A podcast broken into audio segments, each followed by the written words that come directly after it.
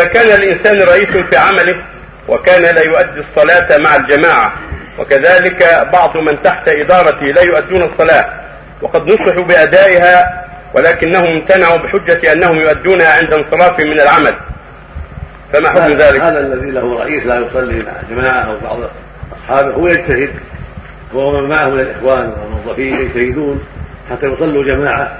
ولا يتأسون برئيسهم في ذلك يصلون جماعة ويجتهدون في ذلك والرئيس ينصح فإن نفع في ذلك ولا يرفع أمره إلى من فوقه إلى من فوقه أو إلى الهيئات رئيس الهيئات أو إلى من يراه السائل من يظن أنه عنده قدرة على إنكار هذا المنكر ولا يغفل ولو ما نفسه ولو كتب وقال ناصح عند فلان الرئيس الفلاني أو المدير الفلاني فيصلي مع الجماعة إلى أمير الرياض إلى أمير البلد إلى القاضي إلى المحكمة إلى الداخلية وما أشبه ذلك.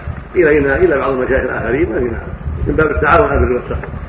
أما الغفله فلا عدم التعاون هذه مصيبة كبرى. المصيبة السكوت وعدم التعاون. هذه المصيبة التي تكثر الشر وتقلل الخير.